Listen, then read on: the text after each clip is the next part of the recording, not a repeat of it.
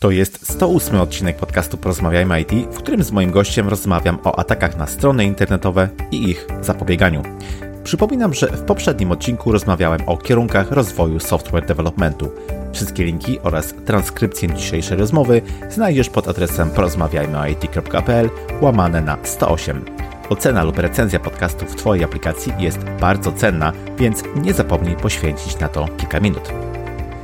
Tego odcinka słuchasz dzięki firmie CyberFolks, oferującej szybki i bezpieczny hosting oraz usługi związane z domenami internetowymi. CyberFolks wspiera swoich klientów dzięki świetnemu supportowi i najdłuższemu na rynku backupowi do 28 dni. Dodatkowo inspiruje blogiem i ciekawymi webinarami. Sprawdź ofertę na cyberfolks.pl. Sponsorem dzisiejszego odcinka jest również platforma rekrutacyjna Solid Jobs. Jeśli szukasz pracy w IT, koniecznie odwiedź adres solid.jobs.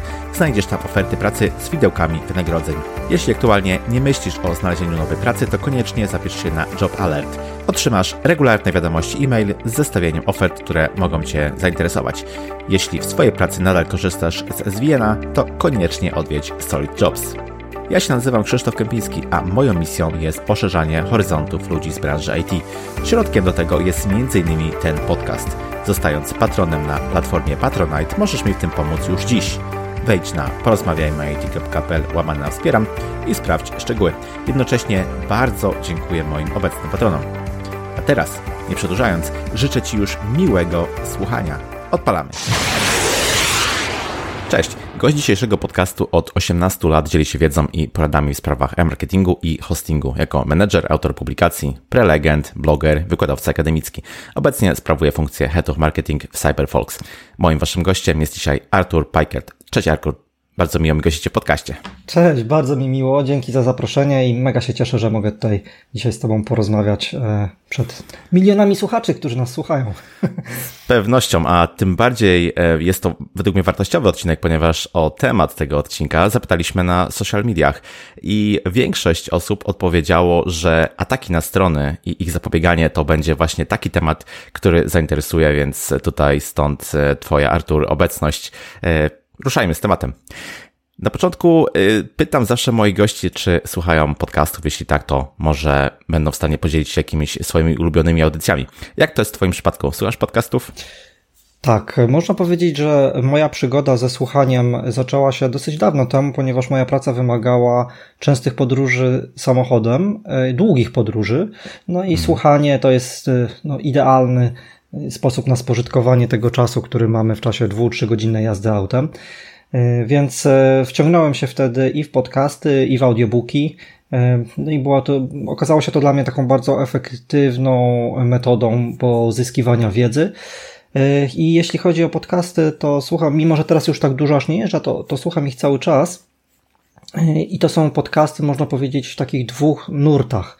E, pierwszy nurt to jest taki bardziej związany z IT właśnie, hmm. więc e, poza porozmawiajmy o IT, no to jest na przykład Rup WordPressa Maćka Kuchnika. Do tego mhm. podcastu słucham bardzo dużo. E, sam uwielbiam pracować w WordPressie. Nasze strony jako firmy hostingowej zresztą są na WordPressie, no i musimy być na bieżąco, no bo to jest dzisiaj CMS numer jeden na świecie, a, a w mhm. Polsce jego statystyki są jakby jeszcze lepsze niż te światowe to jeśli chodzi o WordPressa w ogóle, to, to, to na dzisiaj y, mamy badania, które też prowadzimy nieustannie, tutaj badania rynkowe, to jest 66% wszystkich CMS-ów w Polsce, hmm. to, to są WordPressy? Więc, więc bardzo, bardzo konkretny udział. No i stąd właśnie ten podcast. A e, oprócz tego taki drugi nurt e, to jest bardziej marketingowy, no bo ja się zajmuję u nas w firmie hostingowej marketingiem, więc ten drugi nurt to są bardziej już takie treści, bym powiedział, marketingowe i ogólnobiznesowe. E, niekoniecznie takie twarde, związane z IT, ale często związane na przykład z SEO. Tutaj na przykład Eric Sunil, Patel, Marketing School, to jest, mhm. to jest ciekawy podcast, oni dużo mówią o, o SEO. Copy Blogger, tam, tam też bardzo ciekawe marketingowe takie informacje z tych anglojęzycznych. A jeśli chodzi o, o polskie z kolei, to na przykład Agata Chmielewska i firma online, to, to bardzo lubię słuchać. Więc o, Szymon Negacz, Nowoczesna Sprzedaż mhm. i Marketing, kapitalny podcast, taki ogólnobiznesowy. On nie ma takiego tak. technologicznego zacięcia, mimo że Szymon nam dużo mówi na przykład o CRM-ach, czyli mhm.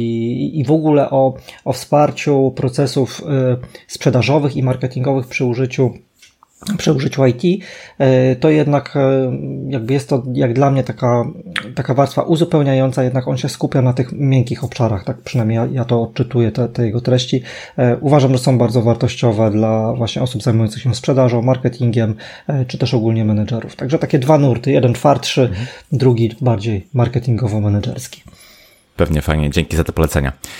Okay, na początku e, chcę zapytać o to, jak spojrzeć w ogóle na bezpieczeństwo takich tworów jak strony internetowe, bo co by nie było, strony internetowe to też jest jakiś rodzaj programu działającego na maszynie i może nam się kojarzyć to jako wynalazek, no powiedzmy 20-30 ostatnich lat. E, tymczasem e, wiem, że Ty masz bardzo ciekawą historię dotyczącą początków gdzieś e, dbania o bezpieczeństwo, czy w ogóle hakowania tak. programów wykonywanych przez maszyny. To, to I prawda. Po, podziel się tym swoim spojrzeniem. No więc e, ja chciałbym zaprosić Was, e, jakby Ciebie słuchaczu w tym momencie, w małą podróż historyczną, w podróż do mm, mniej więcej początku wieku XIX kiedy są na mapie Europy, tej bardziej zachodniej Europy, dwa duże mocarstwa, Francja i Anglia. No i one ze sobą konkurują. E, konkurują, mm, no, można powiedzieć, militarnie, ale również gospodarczo. To, to, to, to jest okres jakby wojny o wpływy. I na początku XIX wieku e, Napoleonowi, e, no bo wtedy Napoleon rządzi Francją, Napoleonowi bardzo zależy na tym, żeby pobudzić gospodarkę francuską po to, aby stała się bardziej konkurencyjna wobec gospodarki angielskiej. No i on y, w ramach tego pobudzania gospodarki składa ogromne zamówienia na tkaniny. E, przemysł tkacki to była no, jedna z takich istotnych gałęzi przemysłu ówczesnego we Francji. No i to tkanie, to myślę, że każdy z nas wie, jak mniej więcej mogła wyglądać ta praca wówczas, czyli byli tkacze, mieli takie krosna, y, bardzo dużo nitek i tak trzeba było po prostu ręcznie nitkę po prostu tak przekładać pomiędzy, mm, pomiędzy tymi nićmi wiodącymi. Nie? No i, w ten sposób się te tkaniny stopniowo, stopniowo tkało. Y, to była praca żmudna, y, dosyć nisko opłacana, no ale było jakby mocne lobby zawodowe tych tkaczy. Nie? To była istotna mhm. taka grupa mm, społeczna w, w ówczesnym mm, świecie. No i e, żeby sprostać tym dużym zamówieniom, e, wynaleziono pewną maszynę. Józef Marie Jacquard za to odpowiada. E, on wynalazł takie krosno, które tkało tą maszynę, tkało tę tkaninę w sposób zautomatyzowany, a wzór był zakodowany na karcie zero-jedynkowej. Była, były dziurki po prostu, karta perforowana. Mhm. Więc znamy to z początków informatyki, nie? Kojarzymy, że pierwsze komputery miały takie karty perforowane ale się okazuje, że te karty perforowane sterowały pracą urządzeń przemysłowych właśnie e, w, na początku wieku XIX. No i e, tkacze byli bardzo zaniepokojeni tą sytuacją, no bo nagle okazuje się, że powstaje maszyna, która e, nie choruje, która nie ma żądań płacowych, która, która zawsze ma dobry humor i co najgorsze chyba, jest wydajna i bezbłędna. No bo te zera i jedynki e, jakby taki deterministyczny sposób kodowały wzór tkaniny i tam nie było pola na pomyłkę e, i to po prostu działało. Więc oni, żeby chronić swoje miejsca pracy, no bo zwyczajnie bali się o swoje miejsca pracy, no to oni zaczęli dorabiać dziurki w tych kartach. No i ponieważ dorabiali dziurki, to maszyna już nie robiła tego, co e, zamierza, co jakby ten, ta osoba kodująca kartę na początku chciała, no bo w międzyczasie karta miała nowe dziurki, y, no i to psuło jakby ten wzór, y, wzór tkaniny. Także mimo, że nie było komputerów takich, jak, je, jak dzisiaj je pojmujemy i nie, nie było to oprogramowanie tak, jak my to rozumiemy dzisiaj, y, no to byli już hakerzy.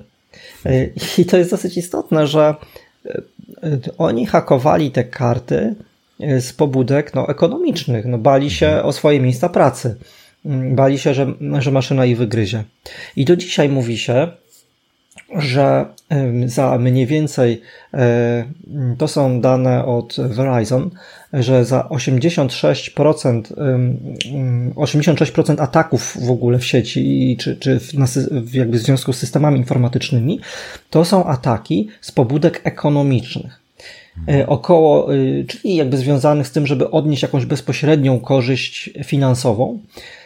Natomiast około 10% to są ataki w skali światowej, to są ataki o charakterze szpiegowskim, czyli takie, które mhm. mają na celu przechwycenie jakichś danych, które miały być poufne, no ale żeby bardziej, żeby poznać ich treść i jakoś mm, głębiej to wykorzystać y, w procesach gospodarczych, a nie, a nie żeby je od razu jakoś skeszować. Tak jak na przykład mhm. ransomware mm, y, szyfruje ci oprogramowanie, y, szyfruje ci komputer i wymusza okup, no i to jest takie keszowanie tego od razu, nie? To, to taki atak czysto ekonomiczny. Natomiast, natomiast no te ponoć te 10% to są właśnie ataki czysto szpiegowskie.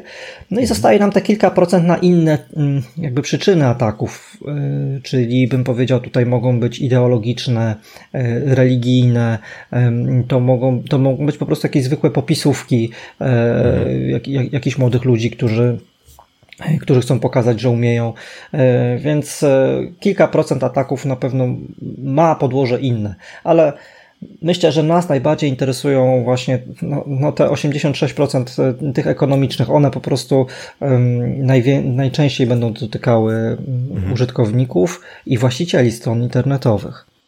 No właśnie, i potrafię sobie wyobrazić, że to jest znacząca przyczyna w stosunku do jakichś e-commerce'ów, do e, stron, które w jakiś sposób zarabiają. Widać z zewnątrz już, że tam jest jakiś biznes, że za tym stoją jakieś pieniądze. Ale wyobraźmy sobie, że jestem właścicielem jakiegoś małego bloga, być może jakiejś małej stronki, która coś e, sprzedaje. Czy nadal jestem narażony, czy, nagle czy nadal powinienem zajmować się w ogóle tematem bezpieczeństwa, czy potencjalnie mogę być mm, celem ataku? Jak, jak wynika z Twoich obserwacji, jak wynika e, z badań i czy tutaj możesz coś powiedzieć mhm. dla, dla, dla słuchacza, e, czy, czy faktycznie w każdym przypadku powinien zastanawiać się nad tematem bezpieczeństwa swojej strony internetowej, czy też może istnieje taki próg, czy też taka granica, od której to już ma sens, a wcześniej nie do końca to się przekłada na jakieś e, realne zyski. E, tak, zdecydowanie bezpieczeństwo to jest temat, który dotyczy każdego. I jakby wielkość Twojej strony, Mm, czy też to jej komercyjny albo niekomercyjny charakter, one mają znaczenie pewne dla skutków ataku, owszem, no bo powiedzmy e, atak związany e, z wykradzeniem bazy zamówień i klientów z dużego sklepu internetowego to jest sprawa poważna, mm, a powiedzmy atak polegający na tym, że ktoś ci zmodyfikuje wpis na blogu prywatnym dotyczącym życia rybki w twoim akwarium e, jest powiedzmy mniej taki poważny, nie? Mhm. Ale to nie znaczy, że te osoby, które jakby nie wykorzystują do biznesu e, swoich stron internetowych, nie są narażone. O co chodzi? Chodzi o to, że większość ataków, radykalna większość ataków w dzisiejszych czasach to są ataki zautomatyzowane. To mhm. znaczy, że y, to, to nie jest tak, że jakaś y, grupa, jakaś mafia siedzi wieczorem w piwnicy i planuje pieczołowicie atak na twojego bloga o życiu rybki w akwarium. Nie? Oni te, to by było po prostu dla nich nieefektywne, mhm. więc y, owszem, takie ataki się zdarzają. To jest te kilka procent takich bardzo mocno wycelowanych ataków, zaplanowanych, no i, i owszem, to się też zdarza. Natomiast głównie dotyczy no, większego biznesu wtedy, kiedy jest jakaś wartość do zdobycia dla tego atakującego. Natomiast radykalna większość tego rodzaju incydentów to są, y, to są ataki w pełni zautomatyzowane. No i działa to mniej więcej tak, w uproszczeniu, że są roboty, które skanują całą sieć, wyszukują strony internetowe, które mogą mieć różnego rodzaju podatności, y, no i atakują te strony w sposób absolutnie zautomatyzowany.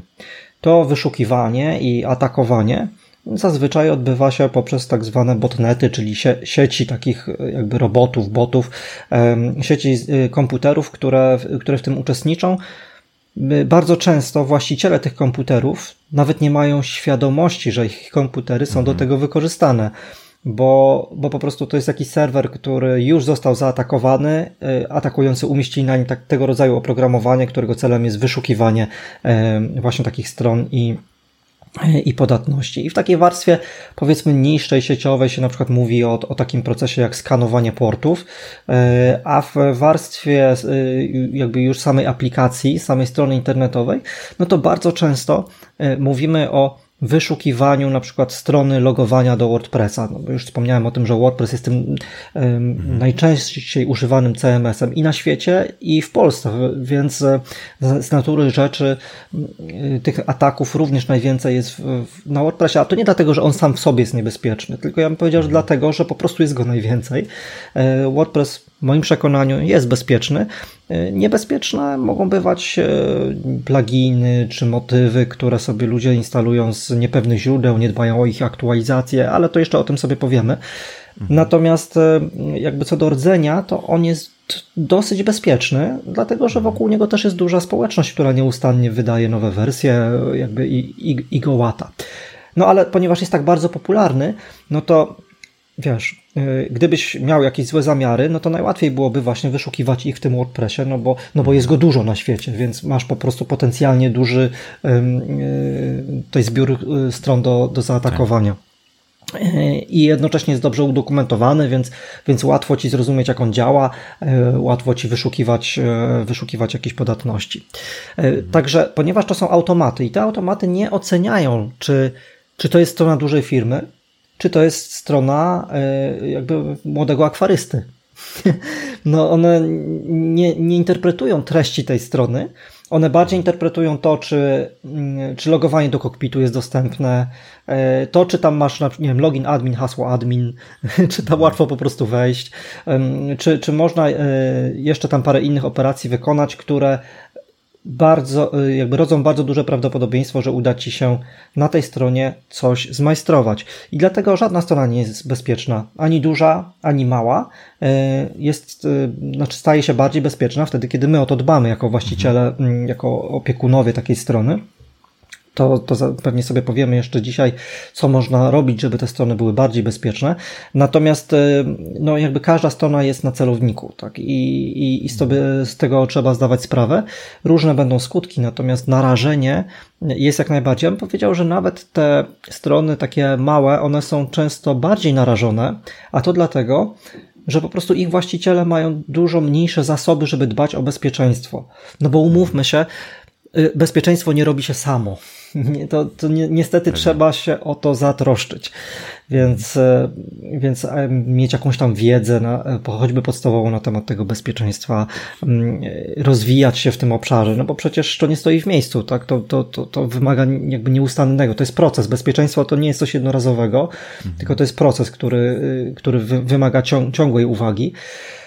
No i jeżeli masz tylko tą stronę o życiu swojej rybki w akwarium, no to, no to najczęściej sobie wyobrażamy, że nie jest to strona prowadzona przez zawodowego informatyka, tylko na przykład e, jakąś młodą osobę, może jakieś dziecko nawet, e, które zwyczajnie no, nie ma świadomości, mm, e, że, że takie zagrożenia istnieją. W związku z tym, że nie ma świadomości, to nie aktualizuje tych komponentów, ma jakieś mhm. trywialne hasła na przykład ustawione nie dba o certyfikat SSL e, i, i, i tam bardzo wielu jeszcze, e, no bardzo wiele tych zaniedbań związanych z tak. bezpieczeństwem tam, tam występuje, no bo po prostu nie ma zasobów, e, żeby było inaczej. No, duże organizacje, sklepy internetowe, czy, czy jakieś duże strony firmowe, no to mają często jakiś dział IT, więc są tam na pokładzie osoby, które mają pojęcie na ten temat i można powiedzieć, że, że czasami jest im po prostu łatwiej, mają po prostu też większy budżet na to, żeby powierzyć, powierzyć to specjalistom, outsourcować ten temat, w jakikolwiek sposób go w ogóle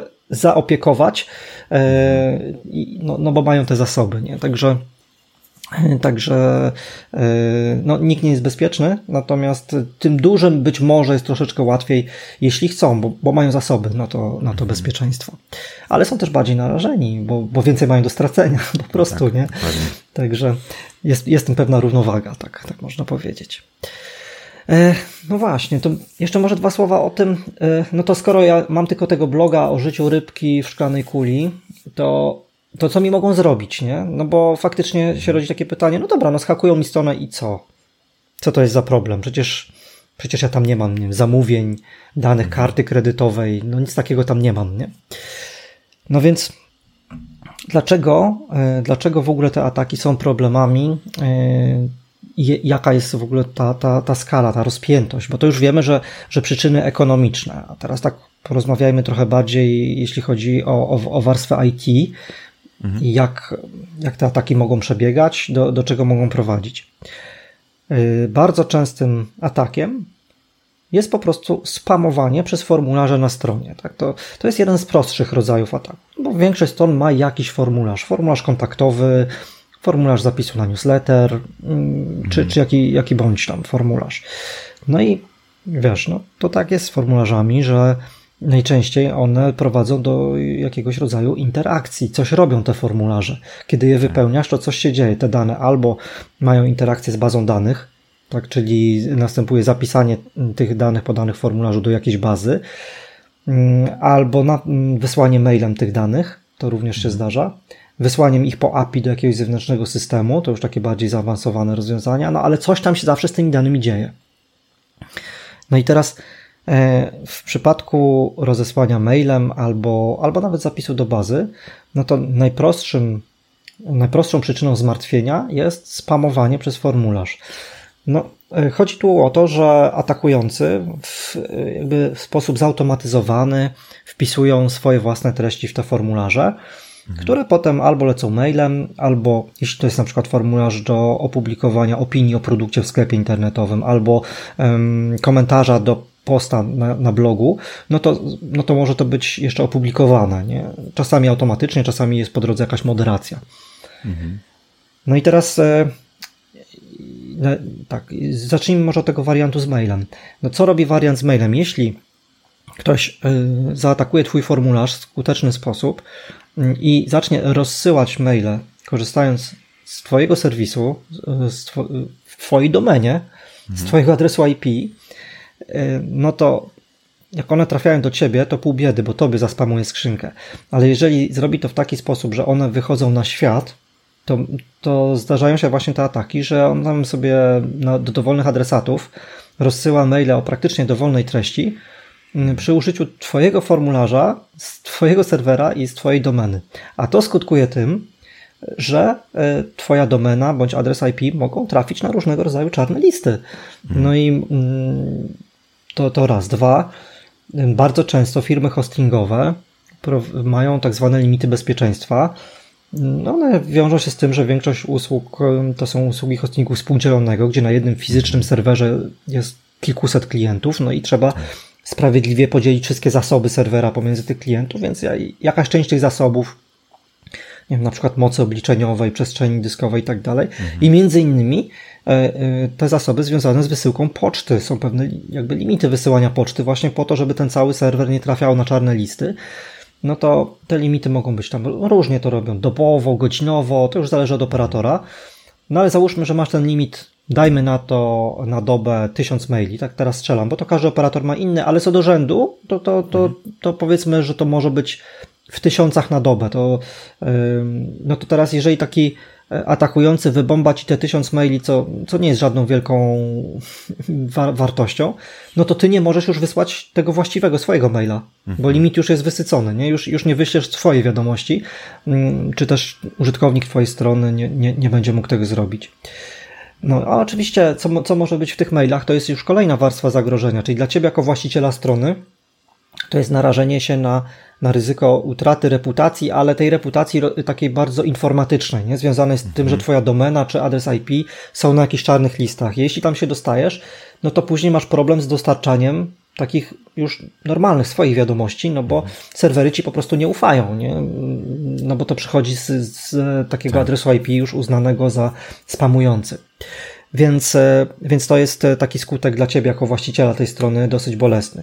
E, możliwość właśnie przekroczenia tych limitów hostingowych. W skrajnych wypadkach firma hostingowa może Ci po prostu zablokować usługę do czasu usunięcia takiej infekcji czy, czy tej sytuacji, no bo, no bo grozi to wpisaniu właśnie adresu IP, z którego korzystają też inni klienci tej firmy mhm. na, na te czarne listy i, i możesz zaszkodzić również innym, więc firma hostingowa broniąc się przed tym może Ci po prostu tą stronę zablokować. Już nie mówiąc o tym, że w takich mailach, no tam pół biedy, jak to są linki do zakupu środków na potencję, ale gorzej, jak to są jakieś linki na przykład podszywające się pod PayPala. żeby wyłudzić, czyli phishing, nie? wyłudzenie mhm. danych logowania do, do jakiegoś serwisu, no to, to, to są już sprawy poważne wtedy, nie? jeżeli coś takiego idzie z Twojej domeny, no bo może to rujnować Twoją reputację w oczach ludzi, yy, może Cię narażać na później uczestnictwo w różnych karnych sprawach yy, mhm. i to żadna przyjemność potem chodzić po prokuraturach i się spowiadać, że to nie wiedziałeś, że Twoja strona została zhakowana i, i tak dalej. Więc takie rzeczy się po prostu dzieją. Yy, kolejne, kolejne rzeczy, które się mogą wydarzyć, no to skoro formularz ma już połączenie z bazą danych e, i te dane są w jakikolwiek sposób e, zapisywane albo wyszukiwane przez bazę, no to oczywiście ataki typu SQL injection, czyli te polegające na spreparowaniu żądania w celu wykonania operacji bazodanowej, która nie była intencją autora serwisu, mhm. ale skutkiem no, pozostawienia pewnej luki jest możliwa. No i to zazwyczaj sprowadza się do, mm, do po prostu albo zniszczenia danych w bazie, bo, bo można wykonać po prostu taką SQL-kę, która usunie wszystkie dane z tej bazy, czy, czy z jakiejś tabeli, e, albo wylistowania mm, rekordów, które nie powinny być e, publicznie dostępne. Nie? To głównie dotyczy takiej sytuacji, kiedy ty masz dane w swoim serwisie, które powinieneś chronić, a, a tego nie robisz. Mm, no i w wyniku takiego ataku te dane zostają ujawnione, czyli jakaś baza na przykład subskrybentów newslettera, powiedzmy. Nie? Dajmy na to, to, to, to, to, to może być przykład. E, to może takie, takie najciekawsze, jeśli chodzi o same e, formularze. E, poza formularzami, a no, nie no, zostańmy, bo jeszcze jest bardzo ważny atak na formularz. On polega mniej więcej na tym, że na formularzach można często dawać załączniki. Na przykład załącz swoje zdjęcie do, do CV albo, albo jakiś tam dokument, nie? I jeśli ten formularz nie sprawdza dokładnie, co zostało załączone, no to może tak się zdarzyć, że ktoś załączy e, plik, e, na przykład plik PHP, który będzie można wykonać później. Mhm. A w tym pliku już może być w zasadzie dowolna treść. I, I to niedawno była taka luka w bardzo popularnym pluginie Contact Form 7, która właśnie umożliwiała w pewnych okolicznościach e, uruchomienie znaczy wrzucenie y, jako załącznik y, takiego jakby skryptu i potem wykonanie go. I teraz wykonanie takiego skryptu mm, w środowisku y, jakby już strony internetowej po, pozwala no, no, zrobić cokolwiek ze stroną. To już oczywiście mhm. tylko fantazja tego, kto pisał ten skrypt, ale takim częstym sposobem, częstym podejściem może być próba wyświetlenia pliku konfiguracyjnego, gdzie są dane dostępowe do bazy. No i jak już ktoś sobie odczyta te dane dostępowe do bazy, no to jak, mm, jakby jak nóż, nóż w masło, nie? Wchodzi sobie w tą bazę tak. i, i, i wszystko z tym może zrobić. Także no, no tutaj jest cała, cała skala tych zagrożeń dla formularzy. E, kolejne e, to są in, jakby innego rodzaju sztuczki zmierzające do przechwycenia e, bazy danych. To jest umieszczenie złośliwych przekierowań.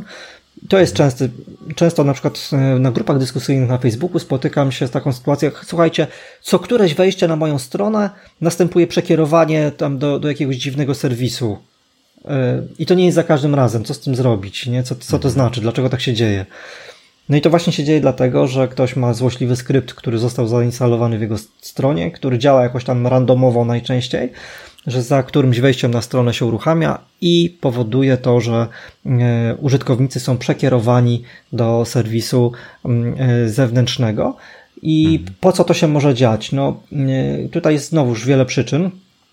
Wiele powodów. Mo może być tak, może być phishing, czyli to może być serwis podszywający się pod Facebooka, pod PayPala, pod jakieś duże banki. No głównie tam, gdzie zostawiamy dane, w nadziei, że użytkownik nie zorientuje się, że strona jest fałszywa i zostawi tam swoje dane logowania. Mhm. To jest pierwszy obszar.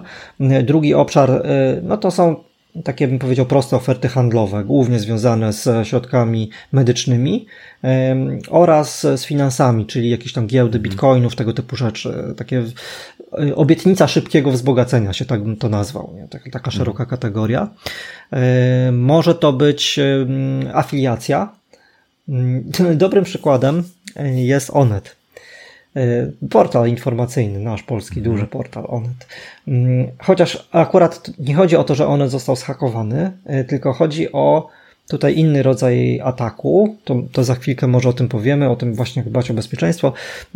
O domenę ONAT i ONET. ONET jako portal, ale ONAT bardzo podobna domena. A i E brzmią bardzo tak. podobnie. Nawet na klawiaturze nie są tak daleko od siebie A i E. Nie? Mhm. I ktoś sobie zarejestrował tą domenę, prawdopodobnie wiedząc, że mnóstwo ludzi czyta ONET e, jakiś niewielki procent się pomyli i wpisze ONAT mhm. zamiast ONET, jedną literkę sobie pomyli na klawiaturze e, i już przechodzi w moim wypadku, jak ja sobie spróbowałem, to przeszedłem na AliExpress akurat, ale z linkiem afiliacyjnym. I teraz chodzi o to, że gdybym cokolwiek kupił na tym AliExpressie, no to ktoś dostanie prowizję z tego tytułu, nie? Mimo, że tak naprawdę nie zachęcił mnie jakoś tak szczególnie e, e, do, do, do tego celu. Po prostu, no mówiąc kolokwialnie, wozi się na popularności jakiejś znanej domeny, nie? W ten sposób z, z taką afiliacją. mBank e, podobnie. mBank, mBank E, możecie sobie wpisać, tylko nie klikajcie już potem dalej. E, I rzeczywiście jest strona sprzedająca jakieś rzeczy zupełnie niezwiązane z finansami. E, ja trafiłem na stronę chyba suplementów diety i też z jakimś tam linkiem afiliacyjnym. Więc ten model biznesowy na afiliacji, nie? Przekierować użytkownika i zgarniać kasę na afiliacji. A najciekawsze to są chyba już takie E, związane z, z, z w ogóle stworzeniem ataki, to, to, to ze stworzeniem kopii twojej strony. Mhm. E, kopii i teraz tak, to może tak, to może być w twojej domenie wręcz, czy na przykład w osobnym folderze. Ktoś może sobie zrobić sklep internetowy działający na twojej domenie, mimo że ty mhm. hodujesz tylko tę rybkę w szklanej kuli, to poza Twoją wiedzą może się okazać, że na serwerze ktoś sobie odpalił w Twojej domenie sklep internetowy, oferuje tam jakieś towary w atrakcyjnych cenach, ludzie je kupują, płacą za nie, tylko że on oczywiście nigdy ich nie wysyła. Tak. E, no i do kogo przyjdzie policja, nie? Do właściciela domeny. E, mhm. Więc e, no, takie rzeczy też się, też się zdarzają.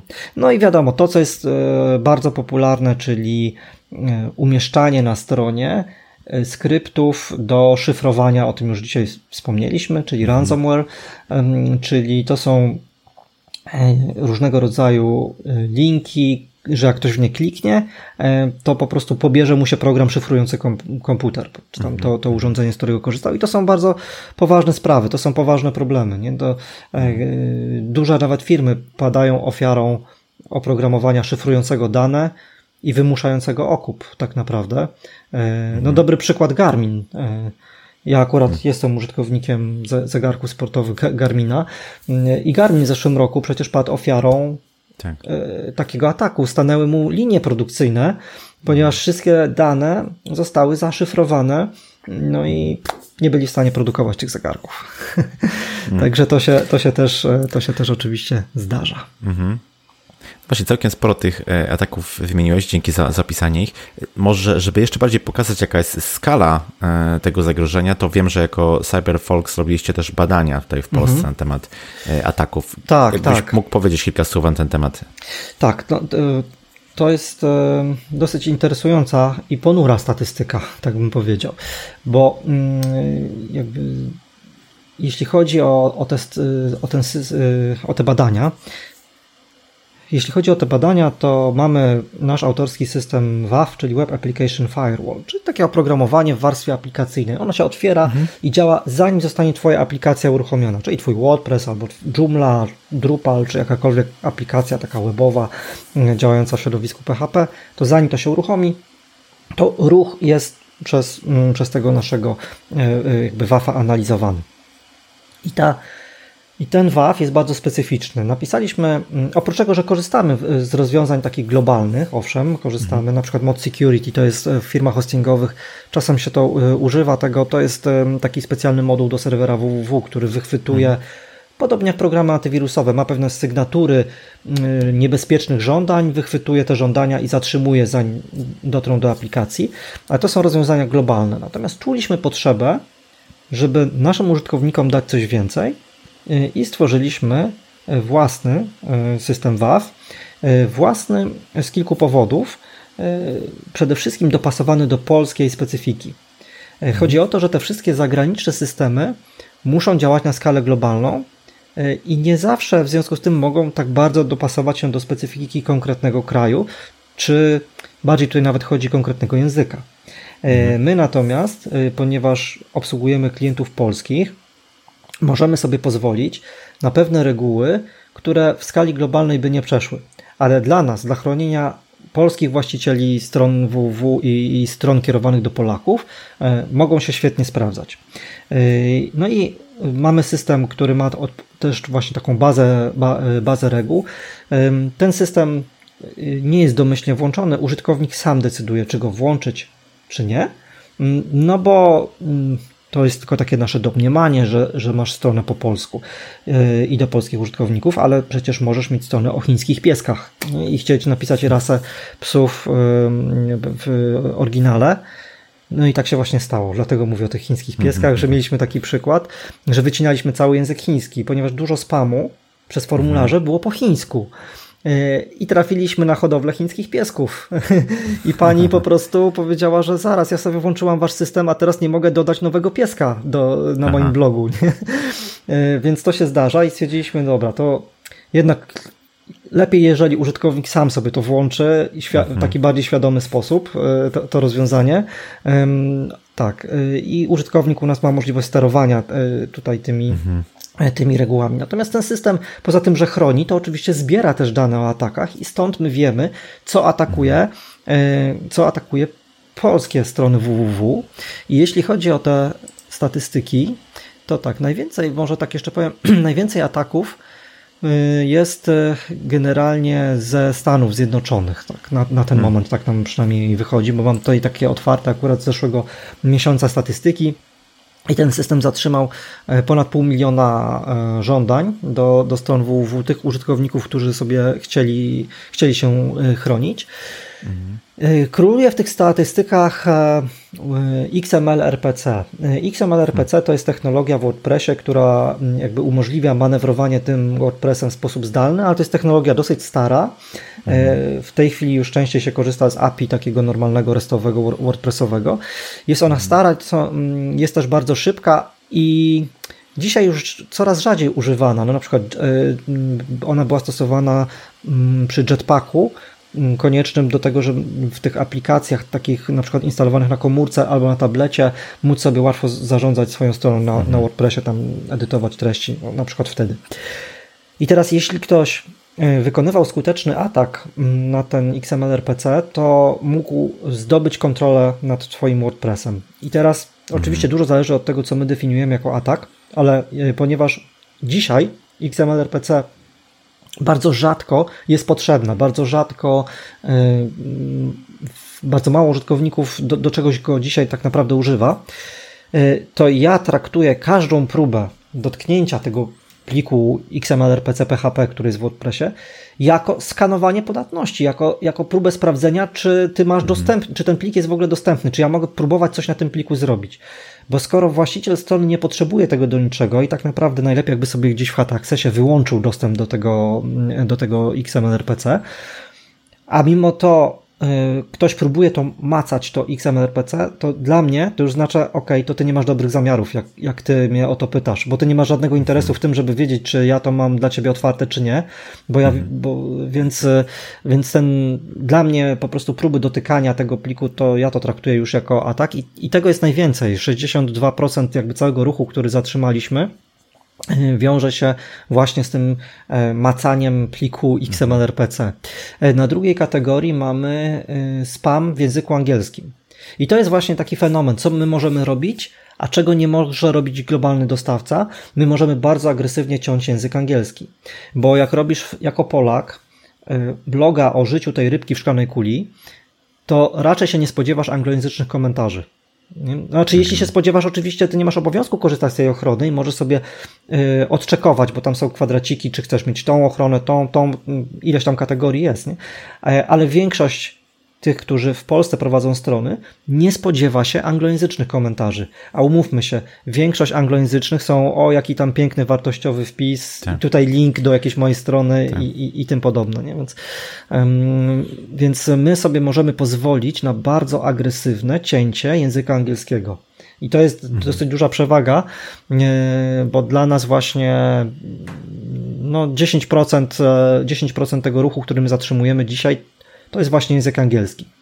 E, potem mamy SQL inject, próby SQL injection. E, tutaj też kolejne 10% i szeroko rozumiany spam przez formularze, ale spam to, to ja chętnie rozwinę, bo tak, spam, spam angielski to już jakby wiemy i to są mhm.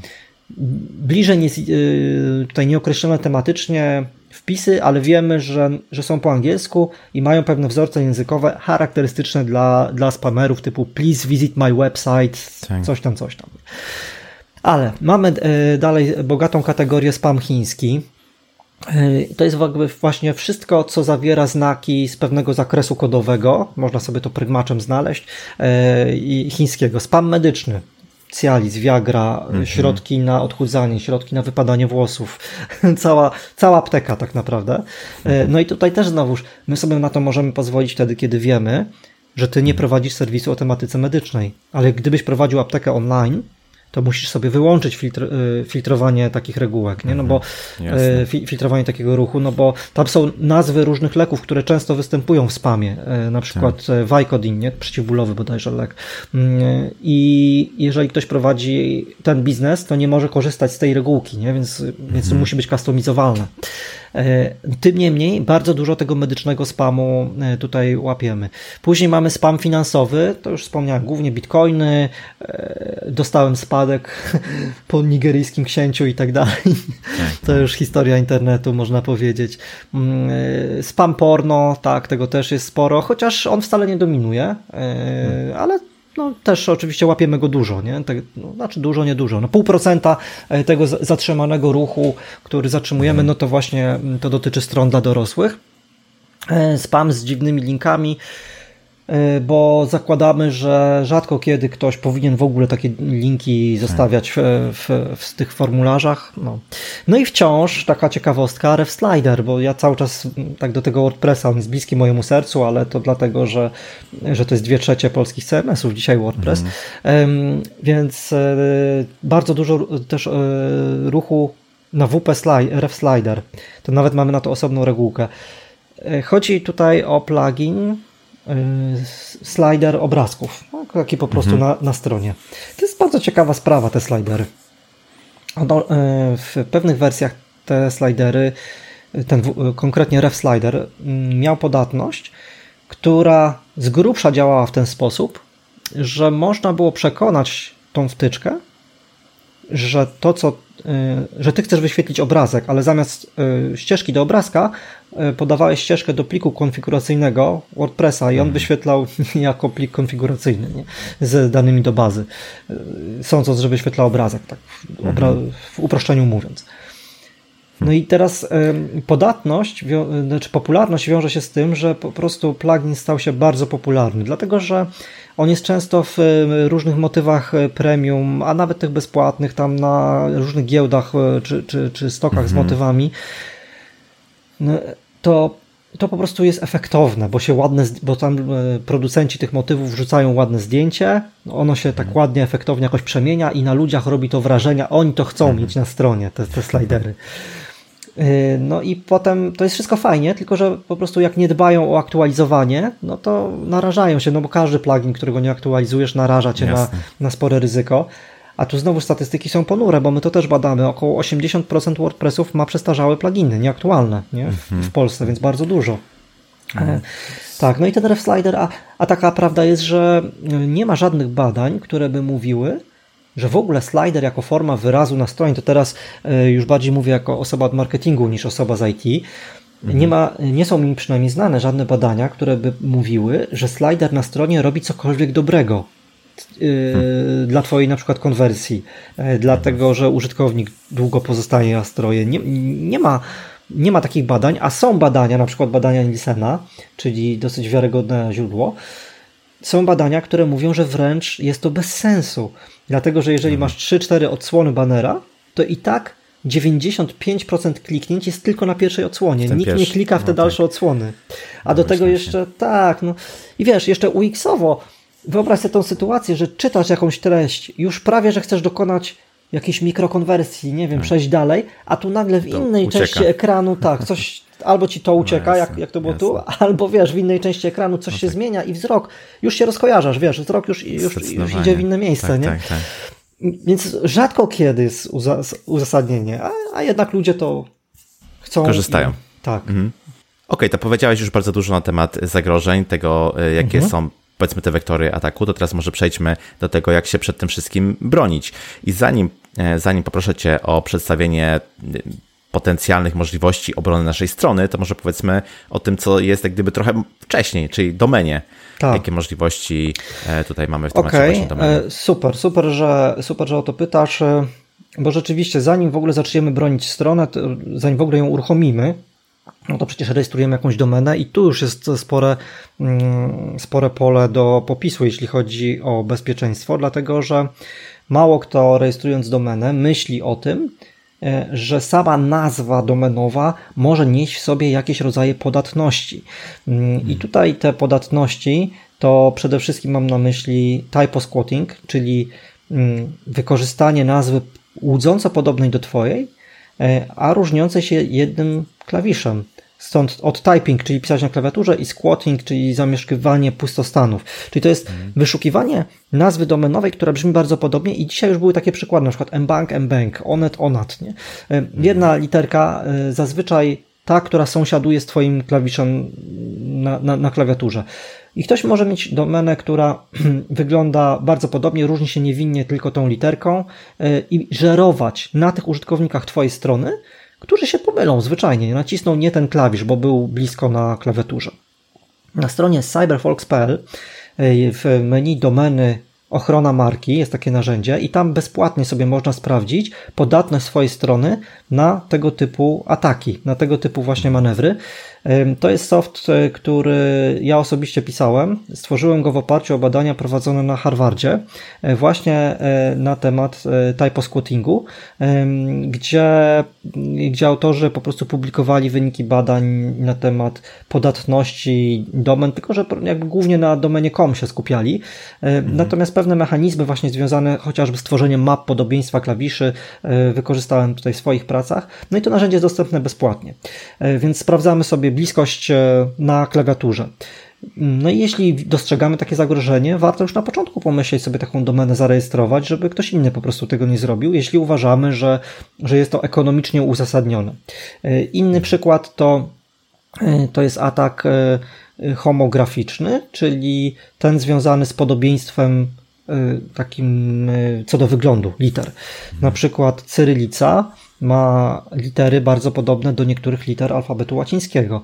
No na przykład rosyjskie T wygląda jak nasze M z alfabetu łacińskiego, nie? Albo rosyjskie R jak nasze P i czy tam C i S. No są bardzo, jakby te, te litery, one brzmią zupełnie inaczej. Mają pod spodem inny kod,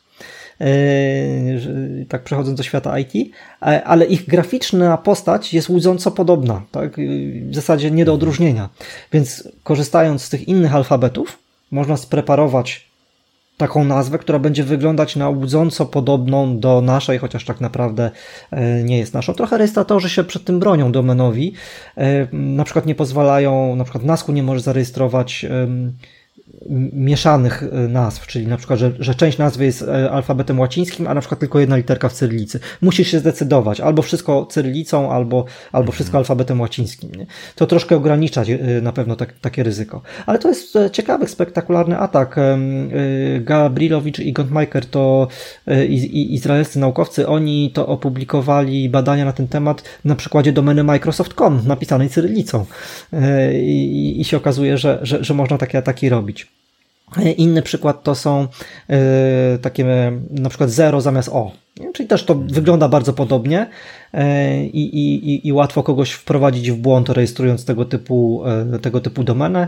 E, plus oczywiście cyber squatting, czyli czyhanie na nazwy, które wyglądają bardzo podobnie, a na przykład różnią się tylko końcówką, bo ludzie już nie przywiązują zazwyczaj takiej wagi do tej końcówki domenowej, czy to jest PL, czy com.pl, czy com.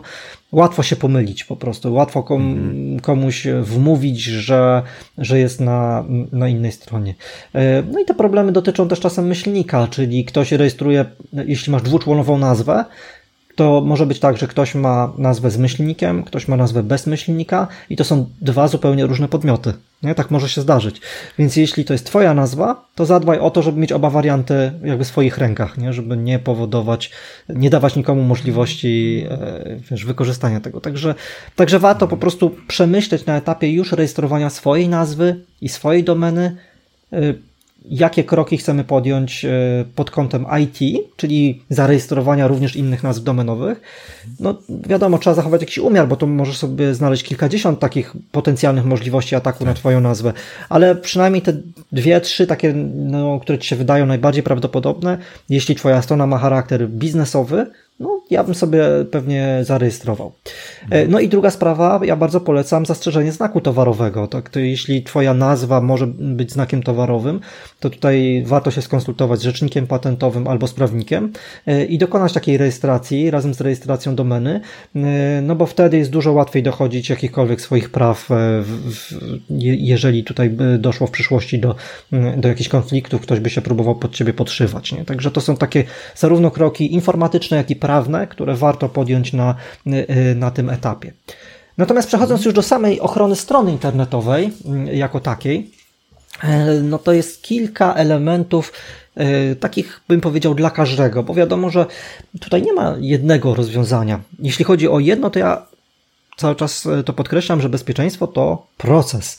Czyli pamiętajmy, że to nie jest jednorazowa rzecz, czynność, którą ty możesz wykonać w odniesieniu do swojej strony. Mhm to jest raczej coś, o czym trzeba myśleć w trybie ciągłym.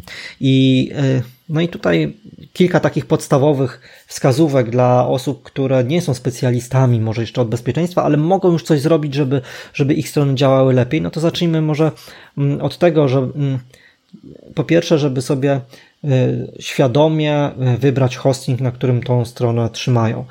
Chodzi tutaj przede wszystkim o mechanizmy zabezpieczające typu WAF, tak, powiedziałem przed chwilką mówiąc o tych badaniach, e, że, że tutaj mm, staramy się zapewnić taką dodatkową warstwę ochronną.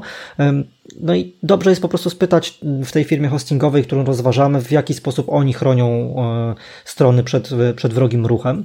Po drugie, e, kopie bezpieczeństwa. Wiadomo, jako właściciel strony dobrze jest te kopie wykonywać w, no, we własnym zakresie, ale jeszcze lepiej, kiedy myśli o tym operator hostingowy i czy właściciel o tym będzie pamiętał, czy nie, to ta kopia będzie wykonana, więc ważne, żeby kopia była wykonana codziennie. W przypadku stron takich transakcyjnych jak sklepy internetowe, y, to jest nawet wskazane kilka razy dziennie wykonywać na przykład kopię baz. No bo to się zmienia najszybciej, wchodzą mhm. cały czas nowe zamówienia, rejestrują się nowi klienci i tutaj nawet dobrze jest kilka razy dziennie mieć taką kopię wykonywaną. E, no i poza tą częstotliwością wykonywania kopii, ważne jest, żeby ta kopia była odpowiednio długo przechowywana. O co chodzi? Chodzi o to, że ta kopia jest czasami jedyną szansą na odzyskanie serwisu, yy, nazwijmy to w wersji jeszcze nieschakowanej. I teraz wyobraź sobie tą sytuację, że, yy, że, że jeżeli masz kopię wykonywaną codziennie, ale trzymaną tylko jeden, dwa dni, a wyjeżdżasz na tygodniowy urlop i w tym czasie, kiedy jesteś na urlopie, ktoś schakuje twoją stronę, wracasz i mówisz, o kurczę, schakowali mi stronę, przywrócę sobie z kopii zapasowej czystą wersję, no ale niestety, ponieważ mówimy tu o cyklach dwudniowych, no to, no to już masz e, również kopii zapasowej e, tą wersję zainfekowaną. Więc w takim wypadku w takim wypadku lepiej jest stawiać na tych operatorów, którzy długo e, te kopie przechowują, a jak długo to można powiedzieć żartobliwie zależy jak, na jak długo je urlopy się wybierasz, mhm. ale wydaje mi się, że takie no 14, 21 dni to jest takie rozsądne minimum, nie? E, że, żeby to, to przechowywać. E, no i to, to, to jeśli chodzi o bezpieczeństwo e, danych na wypadek ich zmanipulowania, bo to oczywiście e, również takie kopie cię chronią. Jak ty sobie coś popsujesz na stronie, możesz sobie zawsze, wiadomo, do takiej kopii e, zajrzeć. Ale przestrzegam przed bezrefleksyjnym przywracaniem kopii, bo często ludzie myślą, no dobra, przywrócę sobie tą, tą stronę z kopii i mam spokój, bo, bo ona mi działa. No i przez chwilę ci będzie działać. Tylko, że za chwilkę zostanie znowu schakowana, bo, bo, bo masz tam stronę, która wprawdzie jest wolna od infekcji, ale jednocześnie jest na nią podatna, no bo już, już to wiemy, skoro została zainfekowana, skoro ktoś ją schakował, no to znaczy się, że ta podatność w niej tkwi. I to jest tylko kwestia godzin albo dni, kiedy ponownie e, padnie ofiarą tego ataku, więc mhm. przywrócenie tej kopii e, to jest tylko taki wstęp, to jest tylko pe pe pewna pomoc, nie pozwolić na przykład porównać wersję plików, e, zobaczyć, czy, mm, co tam zostało zmanipulowane, ale tak naprawdę praca polega na tym, żeby zabezpieczyć tę stronę. To, co zwykły użytkownik może robić, a czego często nie robi, to jest dbanie o odpowiednie hasła. Ja to cały czas e, powtarzam w wielu wymiarach. Hasła do poczty, wiadomo, hasła do bankowości, do czegokolwiek. Czyli, ale przypomnijmy, bo to warto o tym mówić, więc takie, to są podstawowe sprawy związane z hasłami, e, więc warto o nich przypominać nie tylko w kontekście stron, ale, ale w ogóle. Po pierwsze, żeby hasła były nietrywialne, czyli nie stosujmy hasła admin admin. Nie stosujmy hasła typu admin raz, dwa, trzy, cztery. E, najczęściej hasło kończy się na cyfrę 9, bo mechanizmy na przykład wymagają, żeby były litery i cyfry, to ludzie zazwyczaj dziewiątkę dają na końcu. Nie?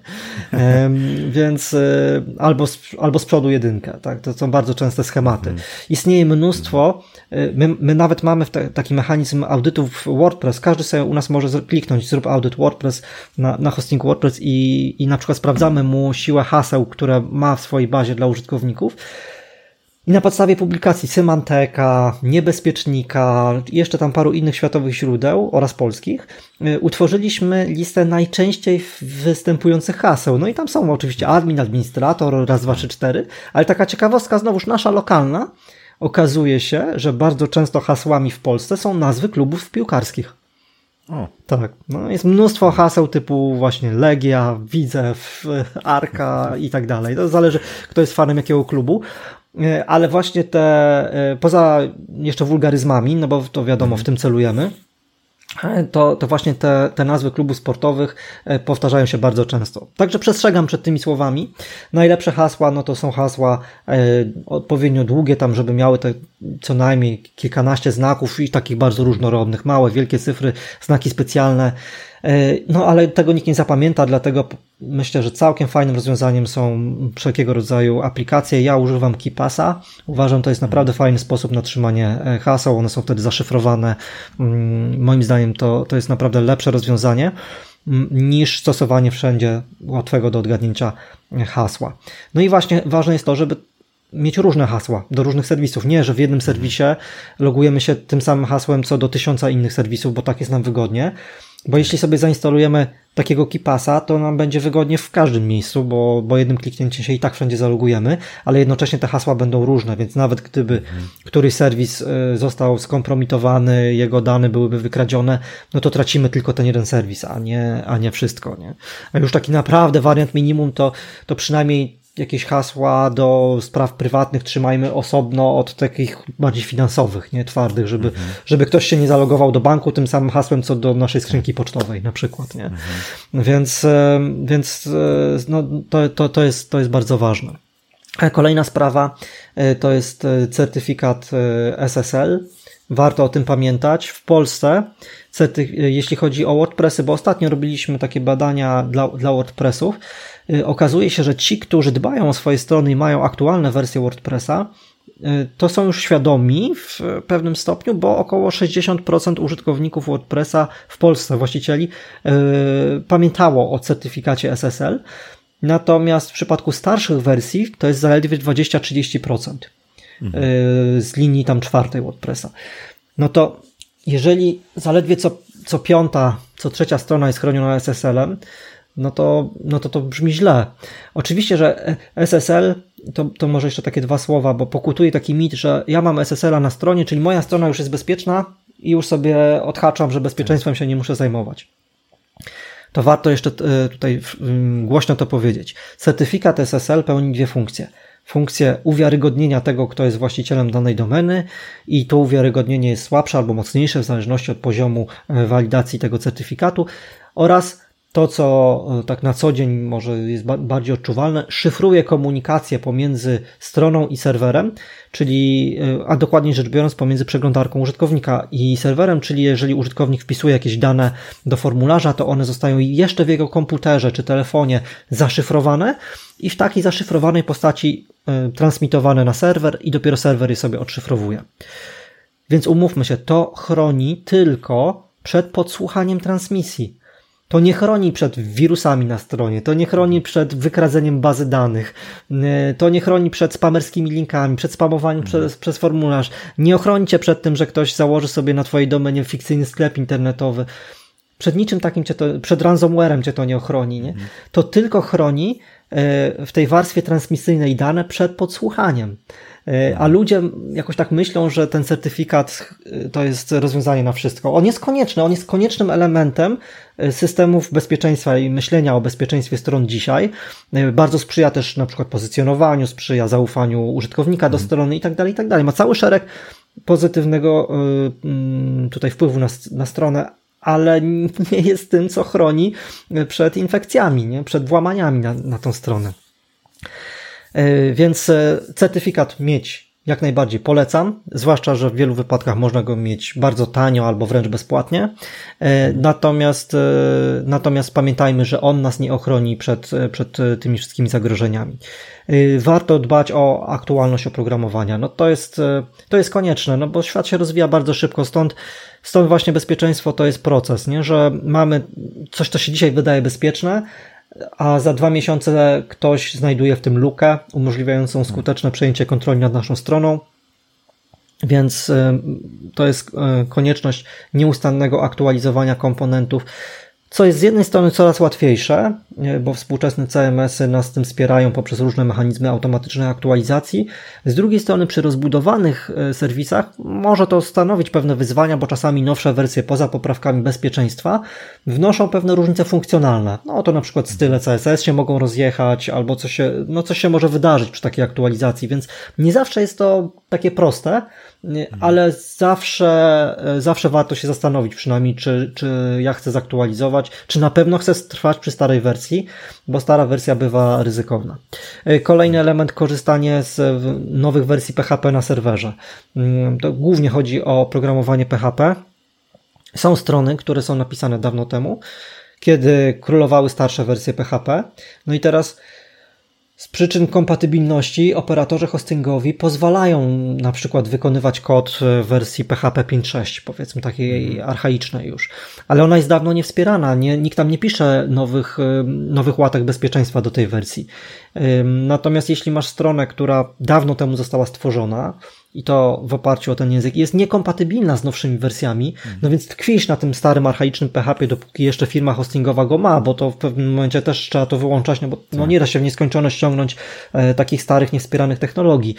No to, e, no to tak naprawdę na, e, jest to istotny czynnik narażenia i stąd znowuż bezpieczeństwo to proces, bo no bo wymaga to jednak dopasowania Twojej strony do, do nowszych wersji PHP i ja zawsze rekomenduję, żeby strona działała z najnowszą wersją PHP, z którą jest w stanie, bo to jest i bardziej bezpieczne i najczęściej też bardziej wydajne, bo te nowe wersje bardzo często mają coraz wyższą wydajność, oprócz tego, że są bardziej bezpieczne mhm. i że mają nowe funkcje.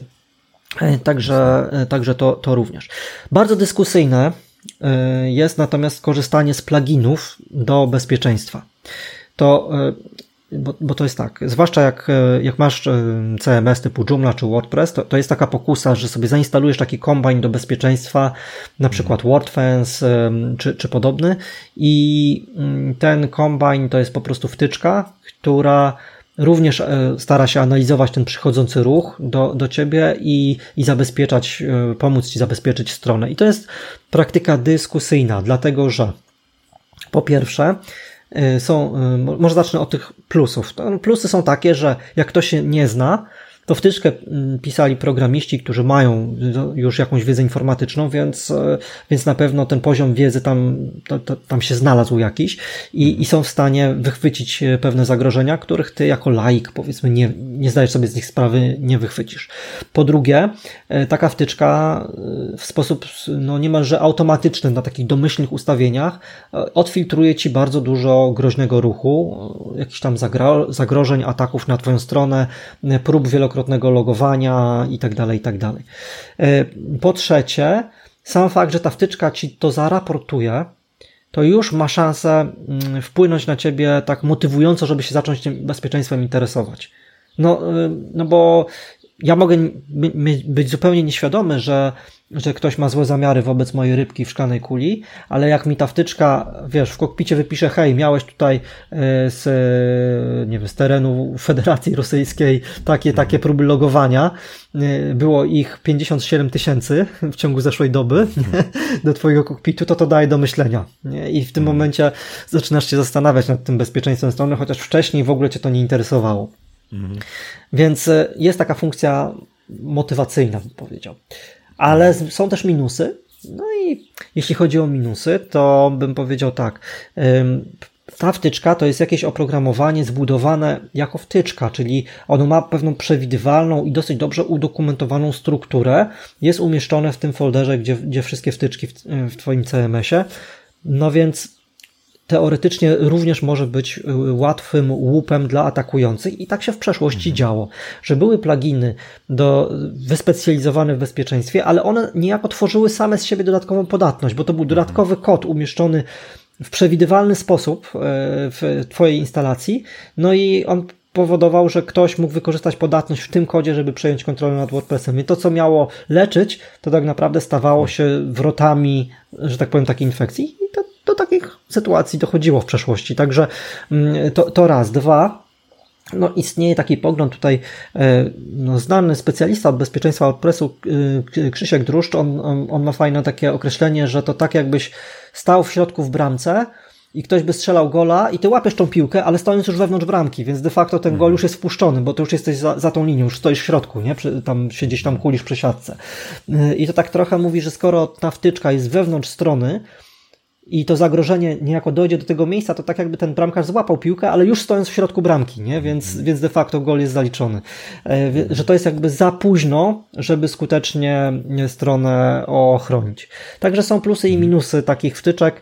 E, jak ja osobiście mam takie przekonanie, że jeżeli ktoś naprawdę nic nie wie o bezpieczeństwie i nie ma żadnego, to, to tak najlepiej, wyasygnować choćby drobny budżet na nie wiem, godzinę konsultacji u jakiegoś specjalista IT, który pomoże mu to zabezpieczyć, zrobi mu parę wpisów w Hata Accessie, yy, uporządkuje mu nie wiem, sprawę jakichś loginów do baz danych, prefiksów, takich rzeczy, które mu zna znacznie obniżą ryzyko yy, yy, zaatakowania strony.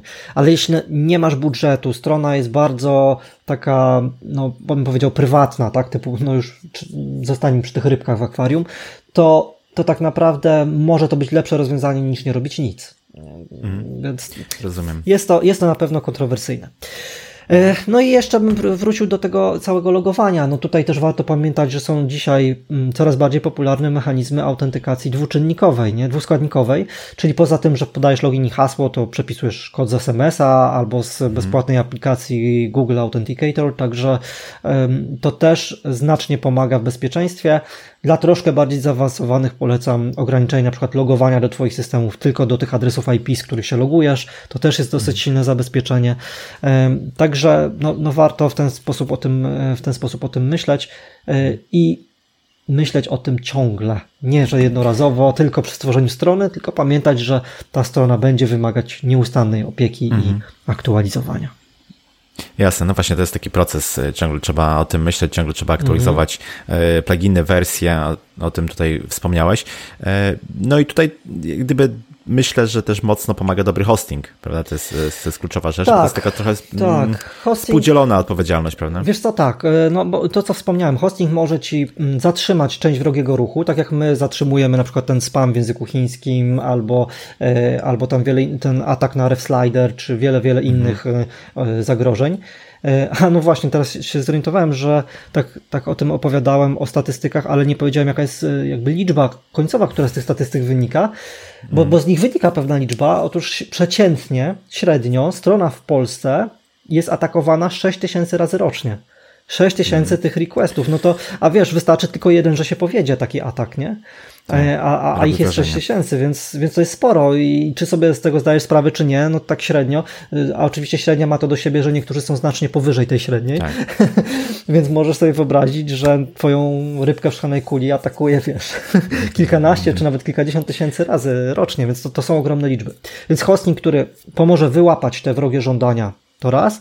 E, hosting, który pomoże też, jeśli chodzi o backupy, to dwa, nie? To, to też jest ważne, no bo to czasem jest ta ostatnia deska ratunku. Jak już nie umiesz tej strony sobie sam uratować, to sobie przywrócisz jakąś niezainfekowaną wersję. I ja myślę, że trzy też hosting może pomóc po prostu uświadamiając Cię w wielu obszarach. Niektóre firmy hostingowe e, po prostu chętniej dzielą się wiedzą niż inne. Nie? Mhm. I, i, I tutaj prowadzą różnego rodzaju czy webinary, czy, czy mają wpisy blogowe, e, czy, czy bardziej po prostu mm, dbają o to, żeby klienci dostawali odpowiednie instrukcje. I to też jest duża pomoc dla osoby, która po prostu się na tym nie zna, a może sobie przeczytać fajny tutorial, jak tam w paru kliknięciach naprawdę poprawić bezpieczeństwo tego, tego swojego WordPressa a odpowiedzialność, e, no tak, odpowiedzialność jest po obu stronach, jeśli chodzi o taką też prawną odpowiedzialność, ona też się wiadomo rozkłada. E, tutaj firma hostingowa zazwyczaj odpowiada e, w związku z powierzonymi danymi osobowymi, bo to, bo to też trzeba pamiętać, że często mamy te dane mhm. osobowe, sklep internetowy, a wystarczy masz zapis na newsletter, już zbierasz dane osobowe. Nie? Więc, więc jest umowa powierzenia i tutaj firmy hostingowe odpowiadają, ale trzeba to rozumieć, że firma hostingowa ponosi odpowiedzialność za, za dane w tej warstwie, w której ona ma wpływ, czyli na przykład może odpowiadać za to, że ktoś nie przyjdzie do serwerowni i nie wyjmie sobie dysku z serwera, na którym te dane mhm. były. W ten sposób ich nie ukradnie albo że nie będzie jakiegoś grubego błędu konfiguracyjnego na serwerze, który pozwoli dowolnej osobie zalogować się na serwer jako taki, wejść na Twoje konto użytkownika y, i sobie jakieś dane zmanipulować albo wykraść. Za to owszem odpowiada hosting. Ale hosting nie będzie ponosił odpowiedzialności za to, że Ty masz y, y, formularz na stronie źle zaprojektowany i on umożliwia wykonanie ataku SQL injection na mhm. przykład, nie? Bo to jest warstwa aplikacyjna i za to odpowiada dostawca jakby Twojej strony, nie? Czy Ty ty, jeśli robisz ją sam, czy, czy, czy ktoś, kto, kto ci tą stronę zaprojektował. Więc trzeba to rozumieć, że pewne obszary są w firmie hostingowej, a pewne obszary są e, jakby w, w, no w tym podmiocie, który odpowiada za, za stronę jako taką, nie? No bo to trochę tak jedni robią autostrady, a drudzy samochody, którzy jeżdżą po tych autostradach, nie? No i wiadomo, ktoś Jasne. odpowiada za to, że autostrada jest e, jakby bezpieczna, ma tam odpowiednią ilość pasów, nie ma dziur w drodze i, i tak dalej, a ktoś odpowiada za, za działanie samego samochodu, więc to, to są jakby dwa różne obszary, i one w, częściowo się zazębiają, mają mhm. gdzieś tam te punkty styku i my też staramy się właśnie pomagać e, w tym, w tym obszarze aplikacyjnym właśnie przez chociażby tego firewalla e, i, i te backupy również to wspierają, e, no ale na koniec dnia to jednak właściciel strony ponosi tą odpowiedzialność za to, jak działa strona jako taka. Jasne. Świetnie, Artur, bardzo Ci dziękuję za e, tę rozmowę. Myślę, że o bezpieczeństwie e, stron, o atakach trzeba mówić, żeby tą świadomość podnosić, dlatego cieszę się, że e, tak rzeczowo ten, ten temat tutaj poruszyłeś. Mm, wielkie dzięki z mojej strony i na koniec powiedz proszę, gdzie Cię można znaleźć w internecie, jak się z Tobą skontaktować. Mm, ja też, ja też bardzo dziękuję. Super się z Tobą rozmawiało. Mam nadzieję, że nasi słuchacze tym momencie zaczynają tak już bardziej świadomie myśleć o tym, o tym bezpieczeństwie e, Dokładnie. strony i już kombinują, jak tutaj to bezpieczeństwo e, poprawić. E, można mnie spotkać, mnie osobiście na LinkedInie najłatwiej, tam jestem najbardziej aktywny. Mm, e, LinkedIn.com przez IN, przez Arthur Pikert, e, tak jak się nazywam, to, to, to najłatwiej po prostu mnie namierzyć, więc zapraszam do dodania mnie do kontaktów, do rozmów, bardzo chętnie dyskutuję na tematy związane ze stronami i pod kątem bezpieczeństwa, i pod kątem wydajności, i pod kątem takim marketingowym. To, to jak najbardziej to są takie obszary moich zainteresowań zainteresowań i na cyberfolks.pl oczywiście również zapraszam. E, na cyberfolks.pl po e, bezpłatne analizy, czy Twoja nazwa domenowa może być podatna, o tym już wspomniałem. Znajdziecie je po prostu w menu, w, w zakładce ochrona marki, domeny ochrona marki e, i tam właśnie jest to bezpłatne narzędzie, które pozwala wytypować sobie różnego rodzaju zagrożenia. I zapraszam też serdecznie na naszego bloga Dlatego, że tam właśnie dzielimy się e, wiedzą i są artykuły pisane i przeze mnie, i przez kolegów, którzy mm, zajmują się takimi właśnie twardymi obszarami. Jest na przykład Pawła Atleskiego świetny artykuł o bezpieczeństwie WordPressa mm, i tam jest dużo trików dla osób już takich średnio zaawansowanych, bym powiedział, jak sobie mhm. właśnie tego, tego WordPressa poprawić e, w, w kilku kliknięciach, kilku wpisach w Hataccessie, co można zrobić, żeby, żeby on był po prostu bardziej mm, bezpieczny. Znajdziecie również na blogu sporo raportów raportów na temat właśnie bezpieczeństwa, na temat poziomu polskiego internetu, wersji oprogramowania, takich rzeczy, bo my nieustannie to analizujemy. Można powiedzieć, co miesiąc analizujemy około milion stron internetowych pod kątem jakby takich podstawowych parametrów związanych z bezpieczeństwem czy technologią ich wykonania. Także e, dzielimy się właśnie tą wiedzą i można sobie to, to wszystko na naszym blogu e, przeczytać. E, no i zapraszam serdecznie. A jeśli e, Was interesuje bliżej ten, ten z kolei ten, ten WAF, czyli właśnie Web Application Firewall, no to, e, to też możecie sobie przetestować to zupełnie bezpłatnie. Znaczy to działa w oparciu o, o nasz hosting. To nie jest rozwiązanie, które mhm. można sobie zainstalować gdzie bądź. Jest ono bezpłatnym dodatkiem do, do naszych pakietów hostingowych, ale wystarczy sobie jakikolwiek pakiet uruchomić, a możecie na 14 dni sobie każdy uruchomić, żeby się po prostu przekonać, zobaczyć jak wygląda interfejs, jak się rysują mapki świata, skąd przychodzą te zagrożenia, jakie to są zagrożenia. Wystarczy po prostu sobie jakąś stronkę, jaką bądź nawet z kreatora na szybko tam wy, wyklikać, mhm. czy, czy z autoinstalatora WordPressa. Y, w przypadku hostingu WordPress ona się od razu praktycznie uruchomi, y, więc będziecie mieć gotowego WordPressa i tylko czekać, a zaraz jakieś roboty go zaatakują. Mhm. Zobaczycie to wszystko na, na, na wykresach, na, liczbach. Ciekawa sprawa, ciekawa tak, sprawa. Tak, tak. I to można sobie bezpłatnie przetestować oczywiście. Super, super. Oczywiście wszystkie linki dodam do notatki do odcinka z mojej strony. Artur, jeszcze raz bardzo Ci dziękuję. Do usłyszenia. Dzięki wielkie. Cześć. Do usłyszenia. Cześć, cześć, hej. I to tyle z tego, co przygotowałem dla Ciebie na dzisiaj. Cieszę się, że miałem okazję porozmawiać z osobą, która o atakach na strony internetowe i ich zapobieganiu wie tak wiele. Artur powiedział bardzo ważną rzecz o tym, że bezpieczeństwo stron internetowych leży zarówno po stronie właścicieli, jak i firmy hostingowej. Dlatego też oprócz naszych działań musimy z głową wybrać firmę hostingową. Jeśli ten odcinek był dla Ciebie interesujący i przydatny, oddzięcz się proszę recenzją, oceną lub komentarzem w social mediach. Jeśli masz jakieś pytania, pisz śmiało na krzysztofmapa.porozmawiajmy.it.pl Zapraszam też do moich mediów społecznościowych. Ja się nazywam Krzysztof Kępiński, a to był odcinek podcastu Porozmawiajmy IT o atakach na strony internetowe i ich zapobieganiu. Zapraszam do kolejnego odcinka już za tydzień. Cześć!